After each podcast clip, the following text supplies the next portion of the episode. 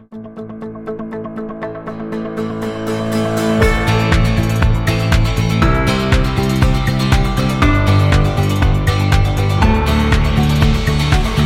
og velkommen til AFO Norges podkast Sirkuler. I dag har vi to fine gjester. Helge Brattebø, som er professor i industriell økologi ved NTNU. Og Ole Jørgen Hansen, som er seniorforsker ved NORSUS. Velkommen til dere begge to.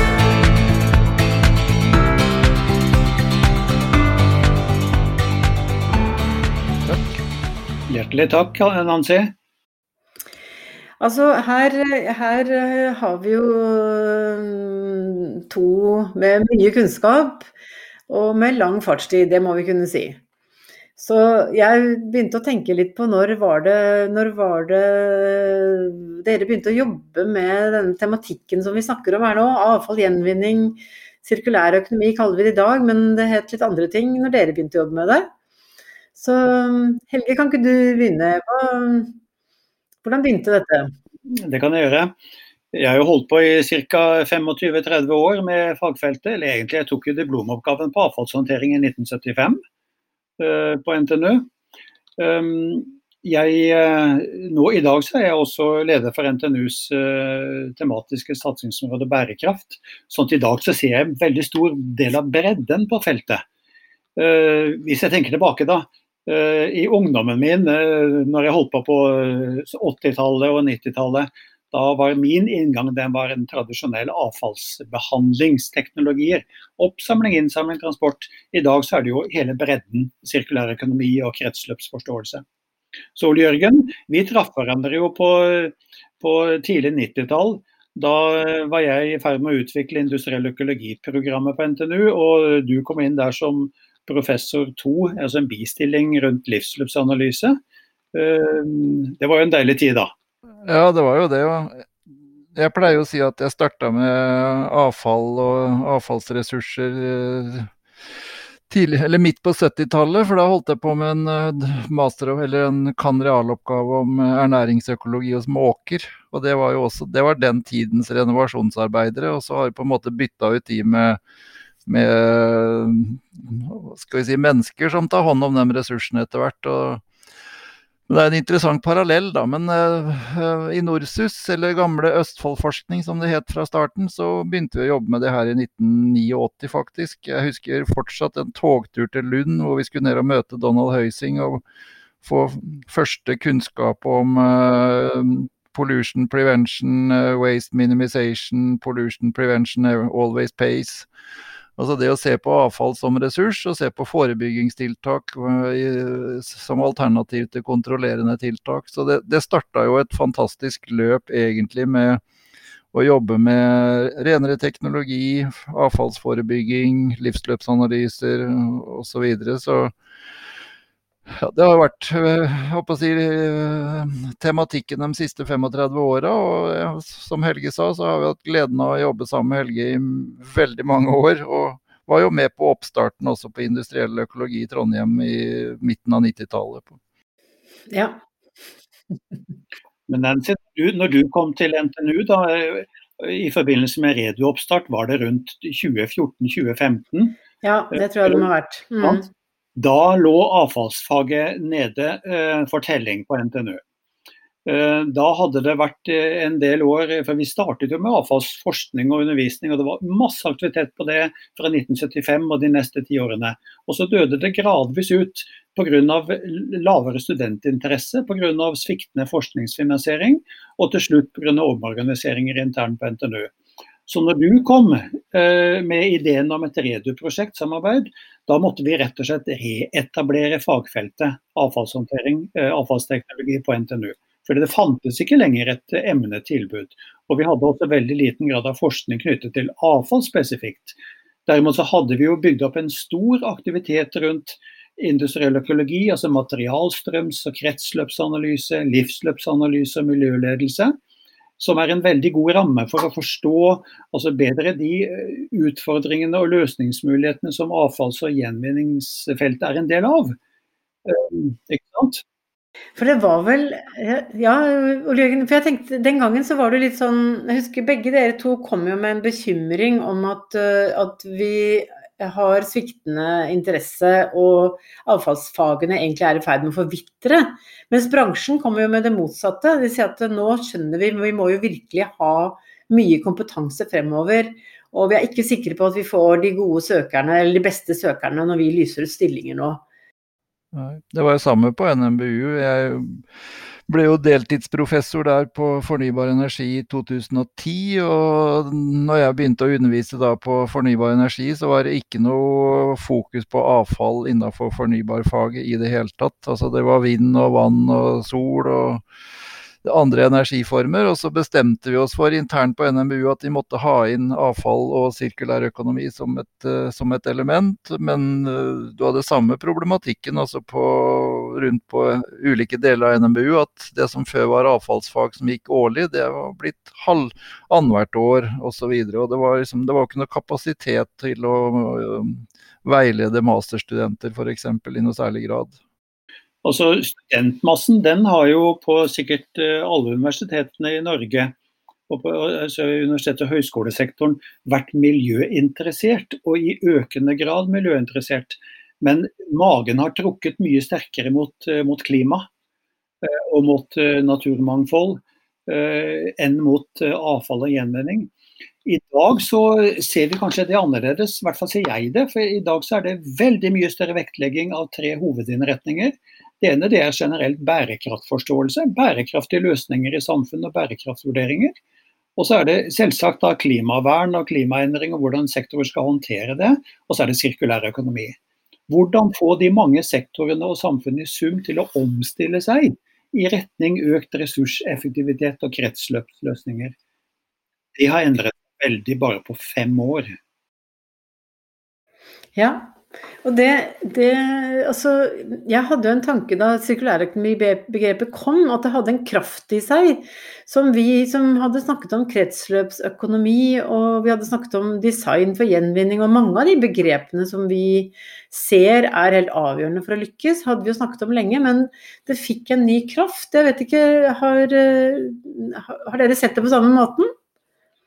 Vi jobber, jo veldig mye sammen med bedrifter, og du ser jo altså, du har jo veldig mange gode eksempler som også har holdt på lenge. altså Borregaard er jo et stjerneeksempel, sånn som har holdt på og vært tro mot en strategi i 30 år med å tenke utnyttelse av avfallsressurser. Og det som var hovedprodukter for 25 år siden, er jo biprodukter nå. Og det som var avfall den gangen, er liksom kjerneverdiene nå. Det, det, er jo interessant å se liksom, eh, for, også på, altså på aksjeverdier. De selskapene som satser innenfor sirkulærøkonomi, er jo selskaper som har fått en veldig, veldig bra utvikling, f.eks.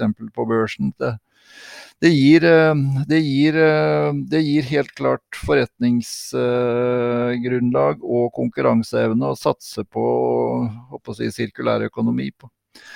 Jeg opplever kanskje at det, har, altså at det har uh, fått fotfeste på et mye høyere nivå i bedriften etter hvert. Det er ikke bare ildsjelene som jobber med det. Nå er det liksom forankra som forretningsmodell og som strategi og som, som litt sånn overordna verdi i mange selskaper. Ole Jørgen, jeg er veldig enig i det du sier der. og det er klart eh, Avhengig av hvilke bransjer eller type sektorer du ser på, så er disse tilnærmingene forskjellige. Men de, er, de preger, sirkulær økonomi tankegangen preger i mye større grad i dag Eh, den faktiske hverdagen og, og strategiene. Men jeg vil i tillegg nevne altså For å få til en samfunnsomstilling, så da, da ser du jo på hva er uh, problemstillingene, hva er mulighetsrommet, hva er det som er gode løsninger uh, i sum. Ikke bare for en enkeltbedrift eller en sektor, men i sum for samfunnet. Så Da har du en ny type si, kunnskap som du trenger for å kunne finne ut hva som er det riktige å gjøre fremover. Sånn at uh, når jeg tenker uh, hva betyr det for et universitet og for studenter hos oss, så er jo svaret mitt opplagt. Vi trenger mange typer parallell supplerende kunnskap. Kompetanse fra uteksaminerte kandidater fra mange ulike fagområder. Fra teknologien, altså på tekniske løsninger. Fra naturvitenskapen som biokjemi og materialkjemi og nanoteknologi framover. Og så innenfor organisering og økonomi. Du nevnte forretningsmodeller, politikk og virkemidler. Så det, det er et stort spekter her, da. Ja, det er jo det. Altså, Ole Jørgen? Ja, nei, altså jeg tenker at noe av det viktigste her som, uh, ligget, som, som ligger bak den tenkninga vi har, det er jo en systemtenkning, en systemtilnærming. altså at uh, det handler om å få tid. Altså, du må he få hele systemet til å fungere som et hele. og Det er jo det som kanskje er en, noe av det viktigste forståelsen for uh, si både studenter og andre nå fremover. altså At ikke du blir så veldig siloorientert. altså du må, Skal du få det her til, skal du få en sånn verdikjede eller en verdisyklus til å fungere, så må alle ledd uh, fungere som et hele, og ikke bare som enkeltelementer som ikke si, henger sammen. og Det er det som er den store utfordringen. Både kompetansemessig, men også ikke minst liksom, å, få, å, få, effektive verdisykluser fremover. Det ser vi på biogass f.eks. Altså, det skal bare ett ledd til, så bryter hele kjeden sammen, som ikke, er, som ikke fungerer, som ikke er lønnsom, som ikke ser potensialet. Ja, mm.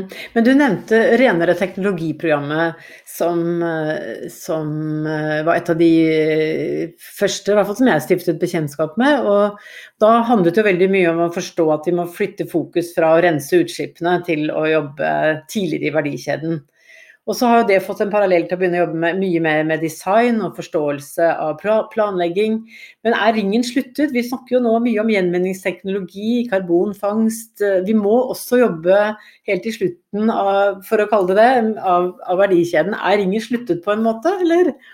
Jeg syns det er spennende liksom, i løpet av de 30-35 åra du har vært med, så har du liksom fått vært med på Overgangen over til en forebyggende tenkning med renere teknologi og avfallsminimering. Var med og etablerte det programmet i sin tid sammen med Miljødirektoratet, eller Statens forurensningstilsyn som det het da. Og så har du litt sånn tilsvarende parallell på det med matsvinn, som også har liksom Der har vi ikke minst også jobba mye sammen, Nancy. Sånn, altså det å få løfta opp det med forebygging av matsvinn som som en strategi. altså Det er jo fantastisk morsomt å se liksom hvilken gjennomslag det har fått, det arbeidet som, du, som vi var med og starta i 2010. Liksom, som et eksempel på at du jobber veldig høyt opp i avfallspyramiden. Da. Og Det er jo det som kanskje er også litt sånn utfordringen, at vi er fortsatt for mye nede i de lavere delene. altså Unngå at ting går til sluttbehandling. Vi må opp i avfallspyramiden og jobbe med forebyggings i enda mye større grad enn vi gjør i dag. på.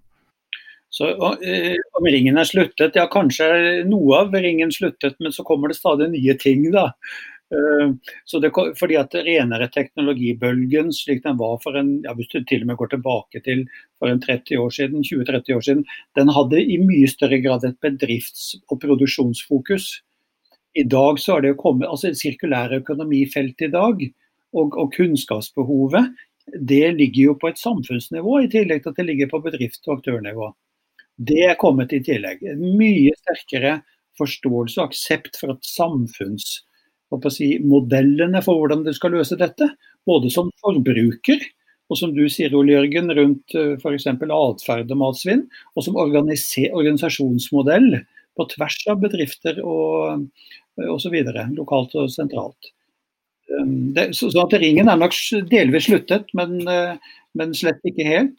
Men det betyr jo også at måten vi som universitet responderer på det på, eller kan respondere, det er jo at vi må uh, sannsynligvis i mye større grad trekke på uh, veldig mange typer kunnskap og fagmiljøer.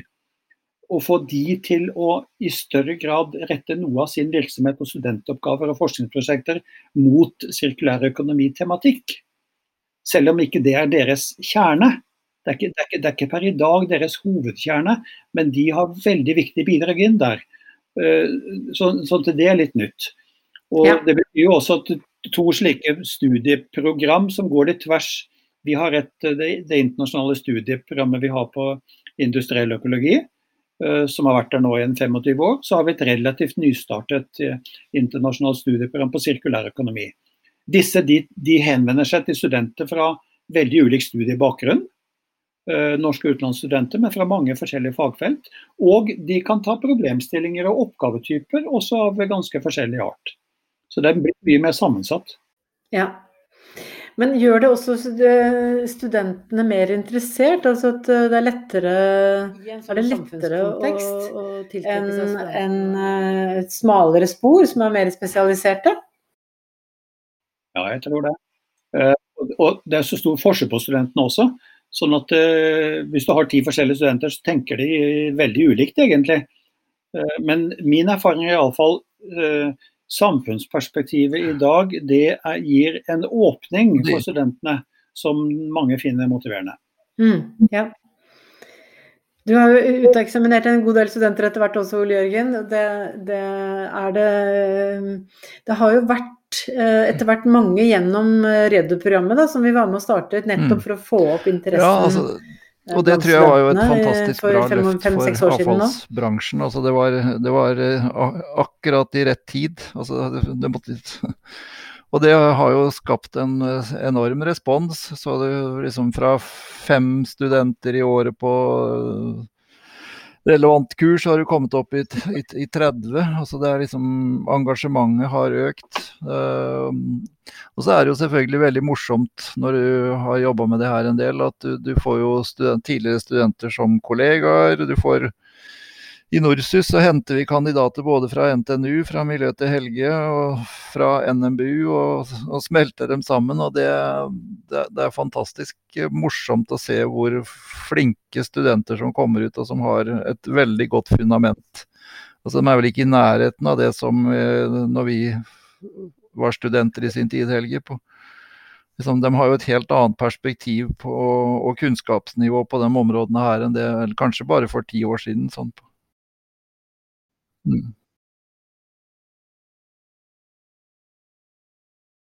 Ja, ja. Nei, det er eh, opplagt det er veldig mange flinke studenter. Veldig, altså, du nevnte dette med timing. Um, Redu-initiativet var veldig godt timet. Og det var fordi det gikk jo bare to år, så kom EU-policyen på sirkulær økonomi inn for full tyngde. Og så kommer også Parisavtalen som, som, som tydeliggjør ansvaret og at ansvaret i veldig stor grad er knyttet til materialomsetningen i samfunnet også, med tanke på å få ned klimagasser. Og hele, hele ressursfokuset. Så jeg, jeg, er veldig fornøyd med at Redu-programmet har faktisk revitalisert den avfallsundervisningen og kunne sette det inn i en, sammen, en sammenheng da, som vi i dag vil si det er sirkulær økonomi-konteksten, mm. som er den rammen vi skal, vi skal tilnærme oss avfallsfaget og gjenvinningsløsninger. Jeg er også veldig godt fornøyd med at vi har utdannet så mange kandidater som vi har. Eh, og at de har kunnet eh, gjøre prosjektoppgaver og masteroppgaver og ha sommerjobber i samarbeid med bedrifter og med kommuner. Der har Redu vært eh, effektiv i å organisere dette, slik at ikke vi som faglærere må ta den organisasjonsjobben. og selv om en stor del av våre studenter også er fra utlandet, så bosetter jo faktisk mange av de seg i Norge og jobber her fremover. Og som du sa, Ole Jørgen, eh, vi ser jo nå at mange har begynt å jobbe ut mot det, jobbe i bedrifter, i rådgiverfirma. Og NTNU har også levert tre av, den typen du nevnte. av de svært flinke personene som dere har ansatt hos dere i Nosus. Sånn at det ja, det er en effekt. Ikke sant. Ja. Mm.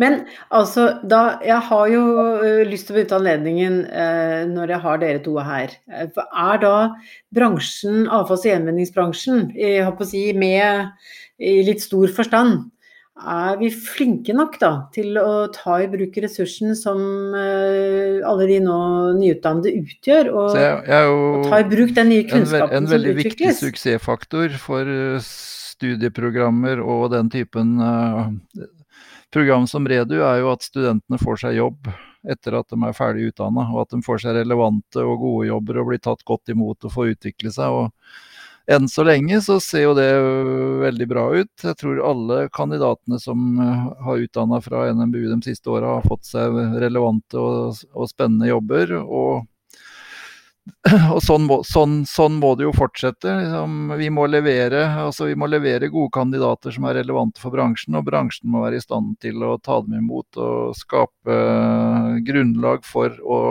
gi dem spennende oppgaver. Da, og det, ja, jeg tror bransjen har vært eh, Eller jeg skal ikke si bransjen, det er jo alltid noen som går foran. Så det er, liksom, det er alltid noen som er uh, flinkere enn andre. Så det er sikkert uh, en læreprosess også inn i avfallsbransjen og inn i, inn i redoaktørene. Men du har en god del gode eksempler å vise til som jeg tror kommer til å bli suksessfaktorer. Og suksess avler jo suksess, så liksom det her blir jo en sånn løk som utvikler seg over, over tid.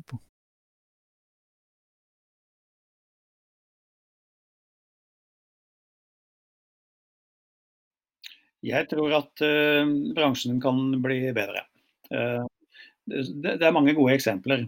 Men uh, for å få tak i den ressursen som nyutdannede utgjør, så må bedrifter og kommuner, de som jobber med de faktiske prosjektene ute i virkelighetens verden, de må være synlige. De må først være godt synlige og attraktive for studentene underveis i studiet. Og Det krever jo at de viser seg på campus, at de stiller opp med gjesteforelesninger og sommerjobber, og at de ikke minst sammen med faglærere har en si, dialog da, for å kunne få utviklet gode, gode prosjektforslag, gode tema for oppgaver, som studenten synes det er riktig og interessant å jobbe med. Og Når jeg foreslår oppgaver for studenter, så spør jeg studenten «Eh, hva er det som er viktig for deg. Eh, og erfaringen har egentlig sagt det er tre ting som er viktig. Eh, som er viktig. En prosjektoppgave eller masteroppgave den må trigge hodet, altså studenten, intellektet. Studenten må oppleve at du lærer noe nytt og du bygger videre på det du kan. Du skal, du skal jobbe med noe som faglig, vitenskapelig er, er, er, eh, interessant. Og så, nummer to, det skal trigge magen. De må bidra med noe som engasjerer dem. Det er ikke vanskelig i dag og på det feltet her. Og så skal det gi en fordel i jobbmarkedet, altså at de får et fortrinn. da, Det å ha kontakt, eh, samarbeide med en spennende bedrift eller et spennende prosjekt, og at ting er overførbart. Eh, så det, og det er mange gode eksempler på ting som treffer på alle de tre punktene. Men jeg tror at uh, bransjen kan være enda flinkere til å ha litt mer jevnlig dialog med, med lærerstanden, for å utvikle den, den type problemstillinger. Og kanskje har jeg også tenkt noen ting er viktigere enn noe annet. Hva er dette noe som er viktigere? Hadde det gått an å ha en litt mer strategisk si, tyngde på noen samarbeidsspor tematisk, som man kunne fulgt over en to-treårsperiode? Som kanskje var annerledes mot NMBU enn de er mot NTNU eller mot andre universiteter. For da kan vi komme lenger og dypere, tror jeg det er jo viktig med litt spesialisering. Sånn, altså, du må ha en generisk eh, kunnskap i bånn, og så er det jo viktig å utnytte fortrinnene som enkelte miljøene har liksom, eller på sine områder. Og så, er det ikke tvil om at skal du få til kompetanseutvikling, så må du drive med forskning. og det er jo så det er et fundament. altså at, eh, at, man parallelt med å ha sommerjobber, masteroppgaver og den typen aktivitet også er aktivt med i forskningsprosjekter og er med å drive forskerrekruttering. For vi, vi trenger flere ressurser i Norge med doktorgrad innenfor sirkulær økonomi på, på ganske mange forskjellige områder. da. Hvis noen, noen, alle vi som sitter her er jo såpass gamle at vi husker stortingsmelding om avfall mm. på tidlig mm. på 2000-tallet. Da sto det helt klart og entydig at det var ikke behov for mer forskning på avfall. Svart på hvitt. og det, altså Så feil kan man jo ta i en sånn prosess. Heldigvis er det mye mer fokus på det nå igjen. Og Det er et uh, punkt hvor jeg tror bransjen kunne, kunne bidra med et løft. fordi når eh, fagmiljøene mm, ved, ved NTNU eller eh, NMBU skal utvikle forskningsideer, så må vi i dag stort sett søke Forskningsrådet. Og da hvor, hvor aktører fra bransjen er med som partnere. Og Det er jo kjempekonkurranse om midler, sånn at man greier ikke å få finansiert opp så mye. Og gitt den enorme omsetningen som denne bransjen har, hvor mange arbeidsplasser representerer den, hvor stor omsetning er det, kunne man gått sammen på en eller annen måte og få organisert et program som kunne finansiert opp kanskje en to til fire til seks stipendiater på sentrale forskningstema. Som man kunne samarbeidet om på tvers av NTNU og NMU og andre universiteter. Så tror jeg, jeg tror betalingsmuligheten er der, men, og viljen kanskje, men evnen har ikke vært der til i dag. Men vi, vi fikk jo gjennomslag f.eks. på NMBU da, for en stor SFI på sirkulærøkonomi gjennom Earth Rescue senteret. Og det er jo liksom typisk et område hvor vi da er ganske lite sirkulær, hvor det er behov for å bli mer sirkulær og koble bærekraft og biologisk mangfold sammen med klima og, og ressurshensyn. Så der syns iallfall jeg var et veldig godt eksempel liksom, på at du, universitetet, akademia, forskningsinstitutter og bransjen uh, klarte å samle seg om et uh, langsiktig løft. Da. Det er jo snakk om et prosjekt til 300 millioner kroner over ti år på.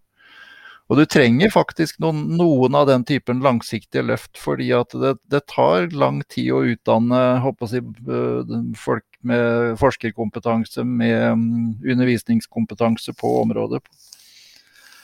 Så, og, og, det er jo kanskje noe av det som også er en utfordring, Helge. Jeg vet ikke hvordan erfaringa er på NTNU, men liksom når, vi skal, når, vi nå snakker om mastergradsprosjekter, så er det, så er det våren 2022. Eh, det er kandidater neste vår som vi driver og skal finne plasser til. og Verken avfallsbransjen eller mange andre sektorer er liksom innretta mot så lange tidshorisonter. Det, det, opplever jeg innimellom som litt utfordring. At, det, at du, du, må være veldig tidlig ute for å få definert oppgavene, og ikke minst få tak i de gode studentene på. Det tror jeg kanskje også vi som iallfall Norge som bransjeorganisasjon da, har eh, jo også lært mye av gjennom REDU-programmet og mye tettere kontakt med universitetene. Um, nettopp for å forstå rytmen i, i, hvordan man jobber og hvordan man må jobbe for å, for å, å utvikle dette over tid. Så det er noen veldig spennende utfordringer jeg tror stemmer ganske godt med at REDU-programmet nå går over i fase to og hvor vi kanskje også i enda større grad prøver å få med hele bransjen, ikke bare ildsjelene. Eh, de som har vært de foroverlente som, som dere er inne på nå. Så det tror jeg blir et viktig oppgave som, som er kanskje litt av oppgaven også til AFO Norge som bransjeforening. da. Uh, til å ta den Vi har påtatt oss å være litt sånn samlende organisasjon, og da kan vi også være det på forskningsfronten. Så hvis dere sånn avslutningsvis da skulle Så kommer en student da som er tidlig i, um, tidlig løpet sitt og sier liksom Har du et godt råd, hva skal jeg satse på? Hva, hvilket råd ville den studenten fått? Ja, skal jeg begynne? ja, begynn du, Helge. Ja, da ville jeg sagt uh, begynn å studere på NTNU. Ja, OK. NMU, ja, bevares, men begynn på NTNU.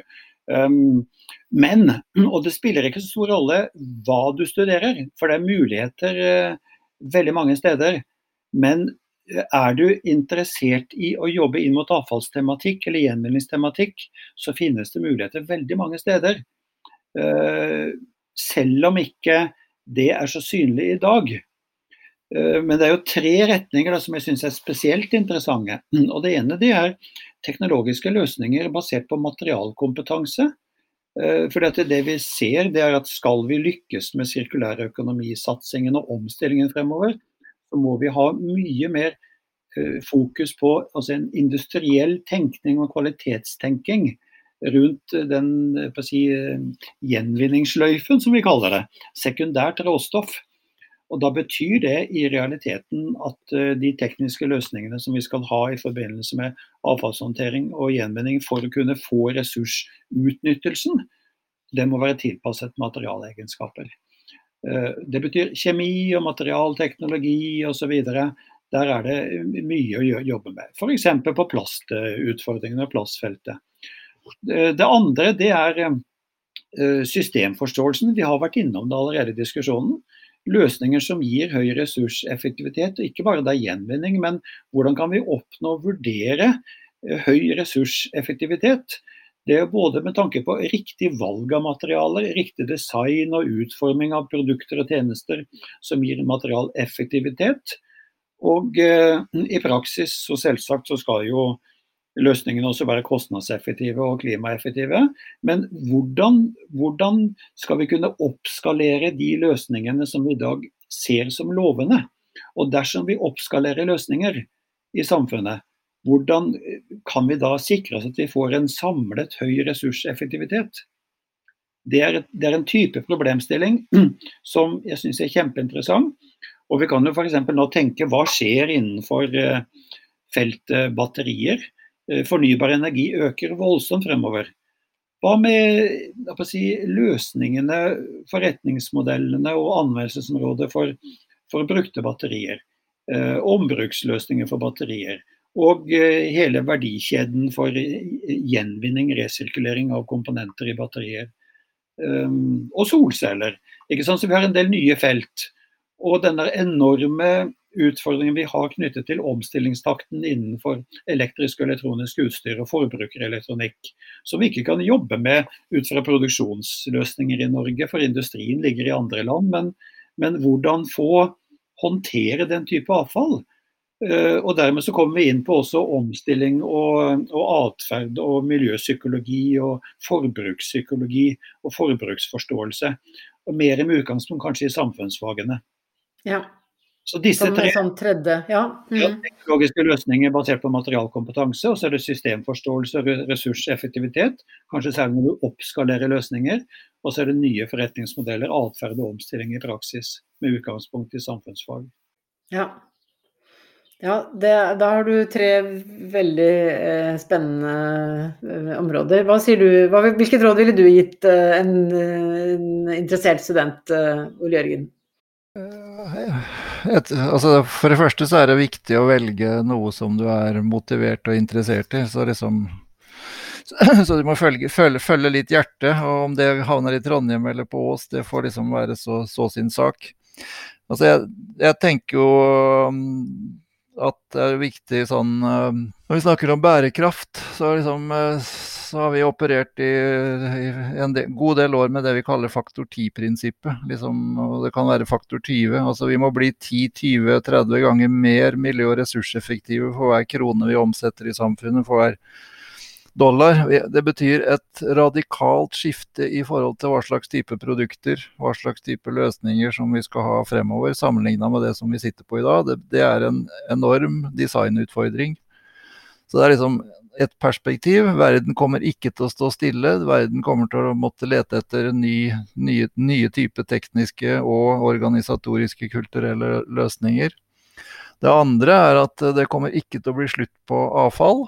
Eh, i løpet av de neste 10-15 åra kommer det til å bli en enorm utskifting i boligsektoren i Norge. Altså hele generasjonen som Helge og jeg er en del av. Vi skal, vi, vi skal over fra, fra, våre eneboliger og over i leiligheter og diverse. Liksom det kommer til å etters, altså bli et enormt tilførsel av um, boliger, bygg som skal rehabiliteres og bygges om.